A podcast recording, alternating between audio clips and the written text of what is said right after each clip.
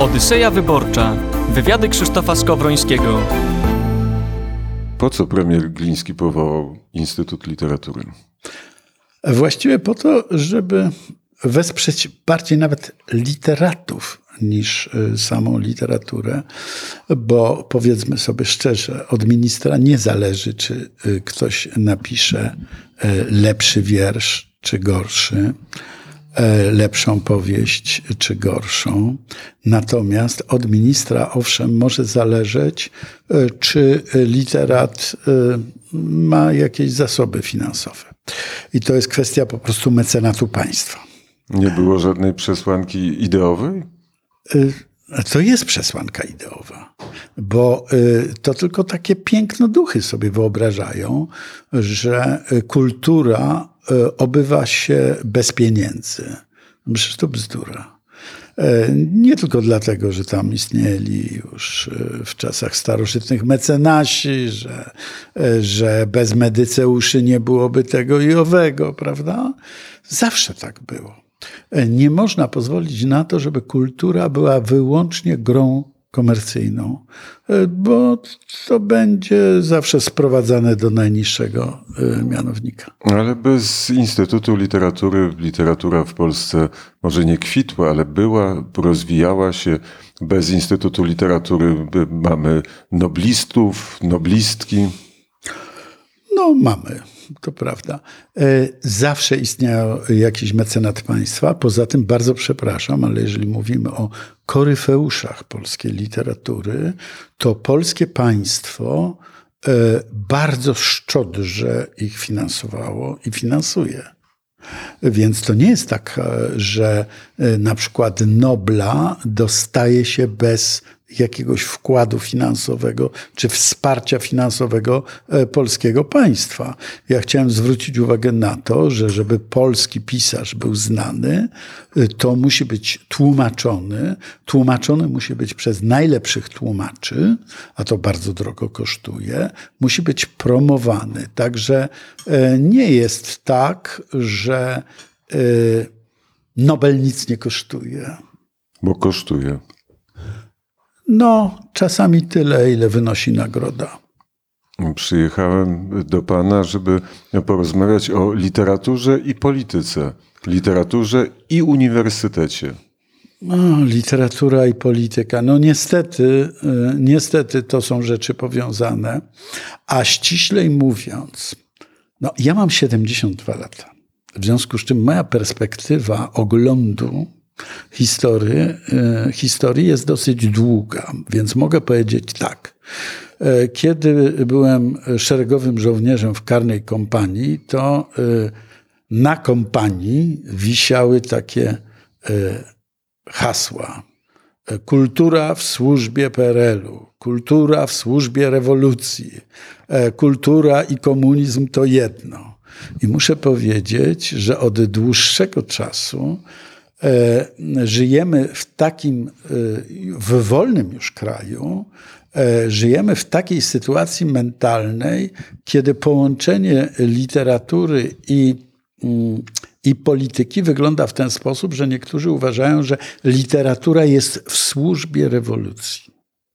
Ja osobiście na tym bardzo boleję, dlatego że ja rozumiem pewne zaangażowania polityczne, ale jeżeli literatura jest tylko służbą, czy w ogóle kultura jest tylko służbą e, polityce, i to polityce bieżącej, polityce partyjnej, a nie e, powiedziałbym polityce w takim, no, powiedziałbym bardzo szlachetnym e, sensie, jak po prostu organizowanie, e, organizowanie wszystkich wysiłków kraju, czy narodu, czy państwa w celu takim, abyśmy, jak mówił Sofokles, literatura, on miał na myśli tragedię, on miał na myśli teatr.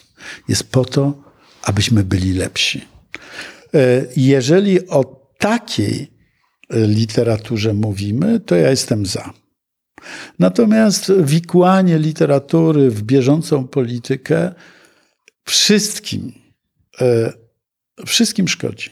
A ale, literaturze przede wszystkim. Ale myślałem o takiej literaturze przez duże e, L. W końcu motory literatury są różne, źródła kulturowe dla literatury są różne. Te są źródła, które są po prawej stronie, źródła, które są po lewej stronie. Teraz jak wygląda ten rynek literatów polskich? No, rynek literatów polskich, po pierwsze, to jest rynek komercyjny. Liczy się sukces komercyjny, liczy się e, sprzedaż książek, e, wszystko, no, no powieści, dlatego, e, dlatego nikt się nie pali do tego, żeby pisać wiersze, jeśli chce zarobić oczywiście. I chcę powiedzieć, że poza taką literaturą, która zdobywa dużą popularność, która czasem jest lepsza, czasem jest gorsza, ale powiedzmy sobie szczerze, jest skrojona e, na, mm, powiedziałbym, wyselekcjonowanego, wyselekcjonowanego e, czytelnika. No przecież wszystkie statystyki czytelnictwa mówią, że e, najwięcej książek czytają kobiety w średnim wieku z aspiracjami. No i jak ja patrzę na niektóre powieści, no to przecież widzę, że to jest no, skrojone pod takiego czytelnika. I tak chyba było zawsze, chociaż trzeba powiedzieć, że bywały czasy, kiedy literatura odgrywała większą rolę, właśnie dlatego, że brała się za bary z wielkimi problemami egzystencjalnymi człowieka. No to inaczej zadam pytanie. Spór kulturowy w Polsce, spór kulturowy, którą widać na uniwersytetach i w literaturze, jest czy go nie ma? Ale rzeczywiście, że jest. Jak wygląda sytuacja na, na przykład na Uniwersytecie Jagiellońskim, w, tam gdzie jest polonistyka? Ja y, nie jestem na uniwersytecie, wykładowcą Uniwersytetu Jagiellońskiego, więc też mi trochę tak niezręcznie jest to mówić. Zresztą w tym roku kończę w ogóle moją karierę wykładowcy. Natomiast chcę powiedzieć tak, jeżeli mówimy o wydziałach humanistycznych albo o polonistyce, żeby było dokładniej, to mam ogląd, dzięki przyjaciołom i rozlicznym kontaktom, z najważniejszymi polonistykami mm, w Polsce i powiem tak. Ostatnio rozmawiam z pewną Ukrainką, która jest w szkole doktorskiej, zaznaczam, mówi płynnie po polsku, tak jak ja i ty. E, I ona mi opowiada taką historię. Wykładowca zażądał, że za dwa tygodnie będą rozmawiali o y, y, Don Quixocie Cervantesa. I co się dzieje na fejsiku? Uczestnicy tej szkoły doktorskiej są oburzeni. Jak to w ciągu dwóch tygodni chcą, żebyśmy przeczytali grubą książkę? Ta Ukrainka była zdumiona. Ona była zdumiona. Dlaczego? Dlatego, że y, ona uważała, że ktoś, kto jest w szkole doktorskiej humanistycznej, prawda, no to powinien dawno znać taką lekturę, bo to jest przecież jeden z elementów kanonu europejskiego. E, powiem inaczej jeszcze. E, na y, różnego rodzaju seminariach, konferencjach, no jak wiadomo, się zajmuje Herbertem bardzo szczegółowo i od 20 lat co najmniej. I teraz jest tak, co ja zauważam? Zbliża się setna rocznica urodzin Herberta i ja wiem, że właśnie mniej więcej teraz Herbert idzie do tak zwanego czyśćca literatów. Nie dlatego, że nawet, że ktoś tam już go postponuje, bo przecież były i takie, no, takie momenty, prawda, w historii jego życia E, nie chodzi o komunistów, chodzi o to, że po 1989 roku przecież założono Ligę Obrony przed Herbertem, prawda? Ale nie o to chodzi. Chodzi o to, że zagrożenie dla twórczości Herberta polega na tym, że jego twórczość została napisana dla konkretnego odbiorcy, to znaczy dla inteligenta polskiego który w latach 60., 70. czy 80. miał poważne wykształcenie e, humanistyczne i był zapoznany z tradycją kultury śródziemnomorskiej. I co? I teraz, ze względu na zmiany edukacyjne, dochodzi do tego, że student polonistyki nie ma wystarczającej kompetencji kulturowej, aby zrozumieć, co jest w tych wierszach.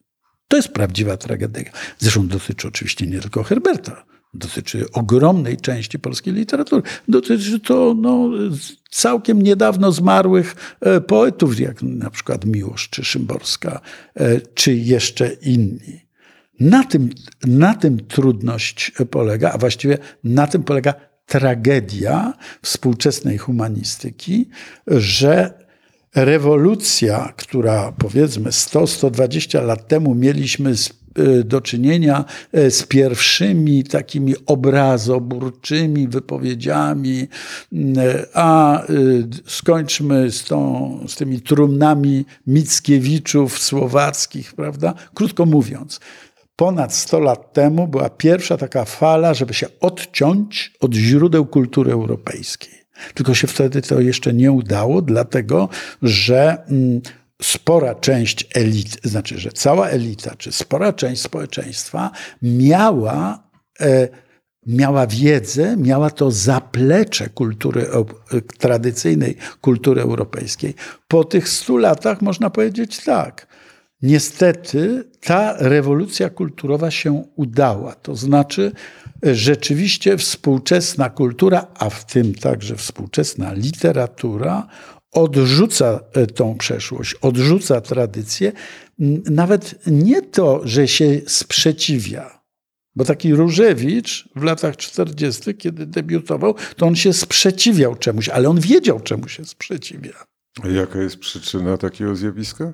Zarzucenie. E, znaczy, no, e, nowa idea właśnie y, idea rewolucyjna, która powiada, że to, co było dotychczas tradycją europejską, jest złe. I to się przekłada na życie uniwersytetów? Ależ oczywiście, że się przekłada na życie uniwersytetów, między innymi w taki sposób, że po prostu przez zaniechanie, przez mm, nawet nie odrzucenie tradycji, e, przez zapoznanie tradycji, po prostu przez zapomnienie, przez pominięcie, przez, no nie chcę używać słowa wykluczenie, bo to troszeczkę e, co innego oznacza. E, tak, mamy do czynienia w tej chwili z odrzuceniem tradycyjnej kultury europejskiej. I w związku z tym ogromna część naszego dorobku kulturowego, w tym literackiego, jest coraz bardziej niezrozumiała. Na tym rzecz polega. I to się dzieje także na uniwersytetach. E, przez e, chwilę miałem wrażenie, że jest, znaczy nie wrażenie, jest coś takiego jak bitwa w kulturze. Istnieje takie zjawisko, tak? Tak, ale ta bitwa została wygrana przez rewolucję. E, wygrana. Tak. Moim zdaniem tak. To znaczy, no, Tutaj e, zwycięstwo nie może być nigdy stuprocentowe, bo zawsze będą. Ale bitwa czy wojna została wygrana? Ja myślę, że bitwa. E, czy wojna? No to powiem tak, to zależy ile kto ma nadziei.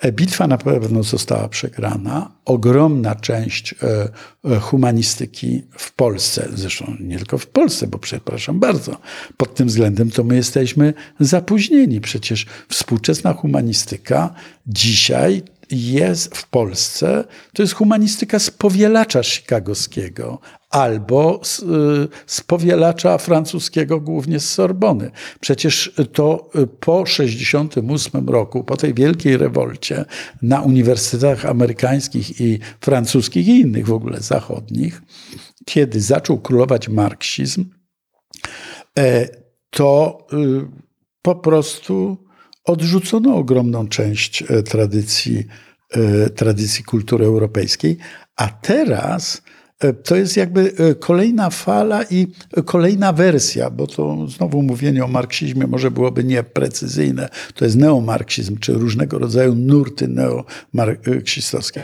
Ale przede wszystkim to wynika z faktu, że rozumie się kulturę, w tym także literaturę, jako narzędzie rewolucji trzeba odrzucić dotychczasową humanistykę, dotychczasową antropologię.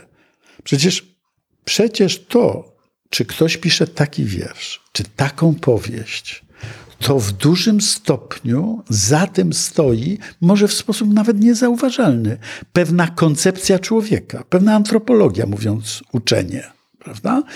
Jakaś wizja człowieka, kim jest człowiek. To jaką wizję odrzucamy? Odrzucamy tradycyjną wizję, taką, którą mieli starożytni Hebrajczycy, Grecy i Rzymianie. To jest wizja człowieka jako korony stworzenia, którego e, status jest wyjątkowy, a w związku z tym też jego zobowiązania są wyjątkowe. Pamiętajmy jeszcze o tym, że cała kultura europejska to jest jednak połączenie tych trzech nurtów, a w szczególności chodzi o wizję człowieka, który się samo rozwija i jest odpowiedzialny za swój samorozwój. To rzecz, jeżeli mówimy o uczelniach, rzecz polega na czym? Że, że I chcę powiedzieć, że te e, takie stoickie mm, koncepcje człowieka, że człowiek musi pracować nad sobą, że człowiek nie jest kimś skończonym, dokończonym, prawda? Że to życie, które otrzymaliśmy, to życie jest wezwaniem do samodoskonalenia, samokształcenia, do samorozwoju. Dzisiaj e, mentalność jest zupełnie inna. E, Ja jeszcze i moje pokolenie zostaliśmy wychowani w takiej kulturze i w takiej mentalności, i w latach 70. przecież e, nie tylko uczyliśmy się na, na uniwersytecie, e, który zresztą przecież był bardzo zideologizowany, ale nasz pęd do wiedzy, pęd do samokształcenia był tak wielki, że przecież ja więcej nauczyłem się na różnego rodzaju kółkach samokształceniowych, na seminariach e, Uniwersytetu Latającego, niż na Uniwersytecie Jagiellońskim, gdzie studiowałem. E, I rzecz e, polega na tym, ale nie o to chodzi, skąd czerpałem tę wiedzę. Chodzi o to, że po pierwsze, to był obciach, że czegoś nie wiedziałem. Dzisiaj student w ogóle nie uważa, żeby, żeby można było mieć do niego pretensje, że czegoś nie wie, prawda?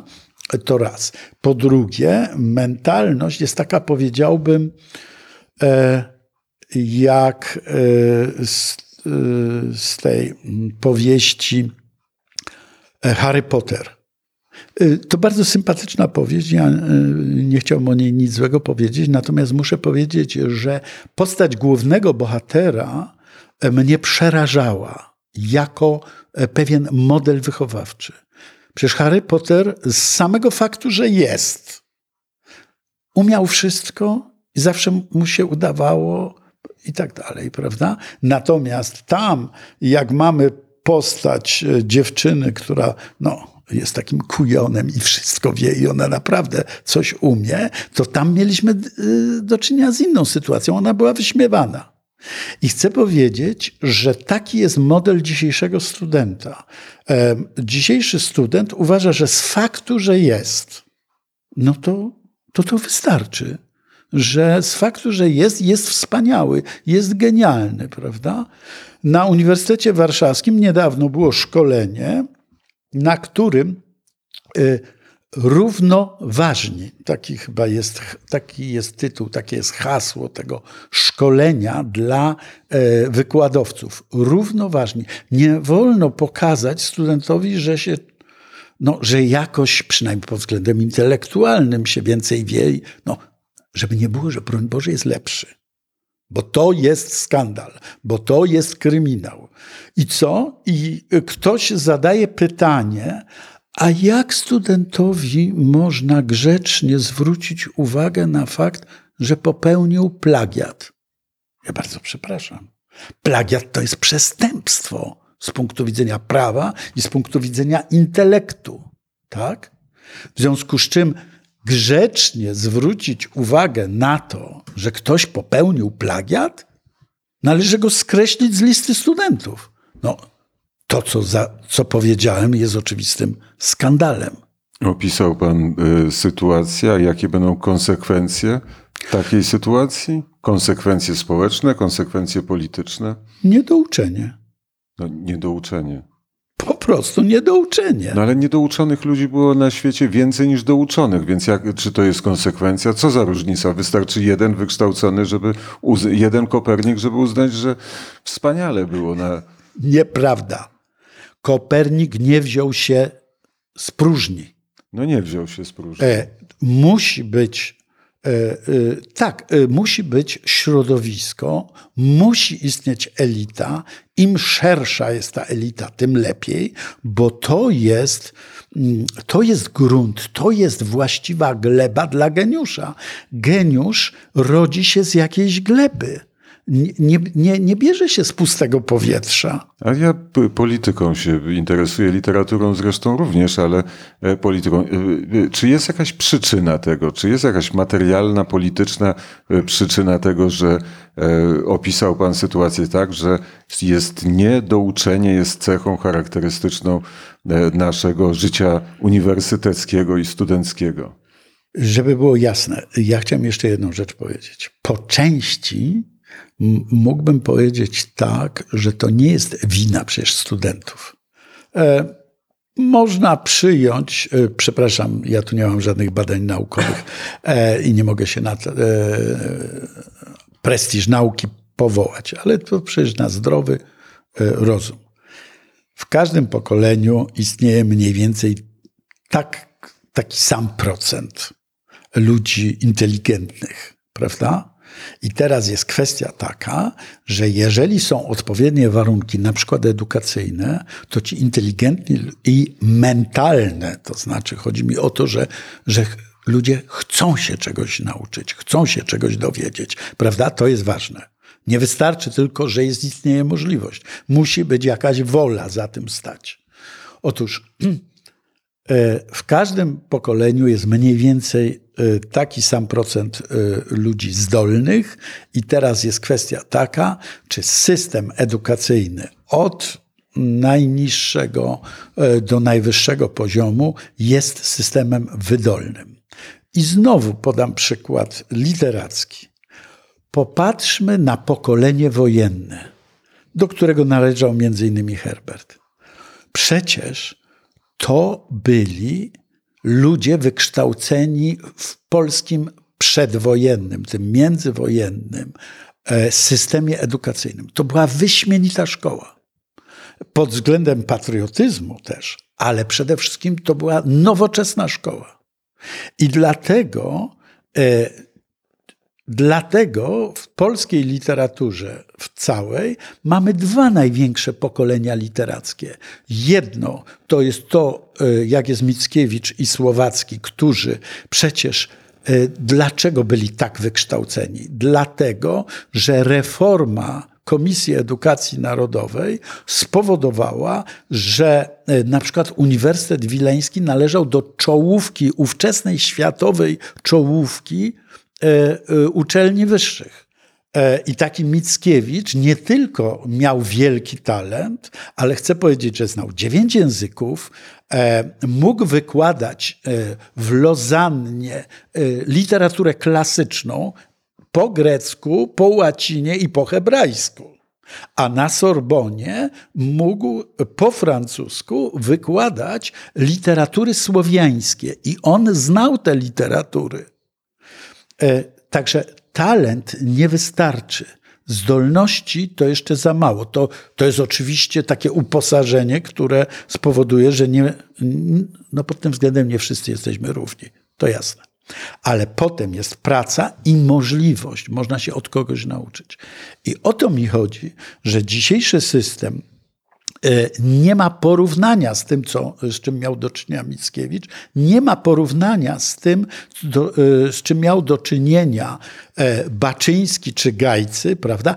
Czy Karol Wojtyła, czy e, Herbert, czy Różewicz, czy Szymborska, Czy miłość? czy no, Miłość jest o 10 lat sta, e, starszy, ale oczywiście on także e, jest w cudzysłowie produktem e, Uniwersytetu Wileńskiego, który na początku XX wieku też należał do, do lepszych uniwersytetów. I na tym rzecz polega, że wykształcenie daje większą samoświadomość artyście. Wszystko jedno, czy to jest literat, e, czy to jest e, przedstawiciel e, innej sztuki. Jeżeli nie będziemy pilnowali poziomu wykształcenia, Mówię, te, ja w tym wypadku mówię o humanistyce akurat, bo nie chcę się wypowiadać na, na tematy, które, na których się nie znam. Niewątpliwie chodzi o to, że jeżeli mamy do czynienia z Janem Kochanowskim, pierwszym polskim poetą, który od razu jest wielką gwiazdą, no to ja bardzo przepraszam, ale to był niezwykle wykształcony człowiek, a pierwsze laury zyskał jako poeta łaciński. Tak, na włoskich uniwersytetach, które były wtedy najlepsze. Powiedział Pan o wizji człowieka, która została odsunięta na margines, tej wizji, która e, kształtowała Europę. Trzy źródła: grecki, e, Jerozoli ateński, jerozolimski e, i Rzymski. rzymski. To co tą wizję, jaka jest teraz wizja człowieka, tak? Kim jest teraz człowiek? Po pierwsze, jest samotną bardzo monadą, egotyczną. To jest jedna rzecz. Druga rzecz to jest osoba, która nie może przyjąć żadnej krytyki. E, największą zbrodnią jest skrytykowanie kogoś. Powiedzenie, niezaakceptowanie takim, jakim jestem. Jestem, jaki jestem, jestem najwspanialszy na świecie i wszyscy powinniście przyjąć do wiadomości, że to jest cudowne. No, przepraszam bardzo, ale to jest prosta droga do degradacji. Ale Jerzy, czy ta degradacja, skoro ta wizja człowieka się e, zmieniła, ta degradacja dotyczy też polityki, dotyczy też Europy jako, jako miejsca, które, z którego kiedyś promieniowała kultura? Tak, niestety dotyczy to do e, całego e, zachodniego świata. Wrócę do mojej opowieści o Ukraińce, ponieważ ona w Charkowie studiowała, prawda? Chodzi mi tylko o to, że to tradycyjne wykształcenie, tak, tam daleko na wschodzie, w Charkowie, spowodowało, że ona ma większe kompetencje kulturowe niż współcześni Polacy.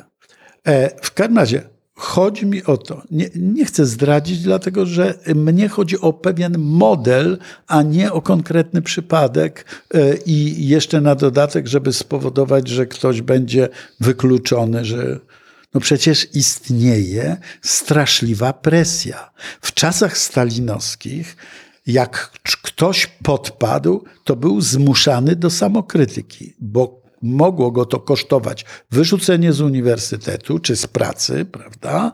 E, a w bardzo poważnych, e, w bardzo poważnych konsekwencjach to nawet i, mógł e, zostać uwięziony, prawda? Dzisiaj wśród młodych literatów istnieje taki terror środowiskowy, że jeżeli tylko podpadniesz jakimś, nawet niewinnym sformułowaniem, które się wypsnie człowiekowi, prawda? Ale nie jest pod sztrychulec. E, jeżeli się e, od głównej obowiązującej linii e, odsuniesz o, o, o 5 centymetrów w prawo, to oczywiście zostaniesz zbluzgany i sprowadzony do parteru. Karne wojsko? Powiedziałbym, Dzisiejsza kultura w swoich przejawach, tylko zaznaczam, nie policyjnych, tylko społecznych, przypomina stalinizm. To dramatyczne. To, to prawda. Dziękuję za rozmowę. Dziękuję bardzo. Odyseja Wyborcza. Wywiady Krzysztofa Skowrońskiego.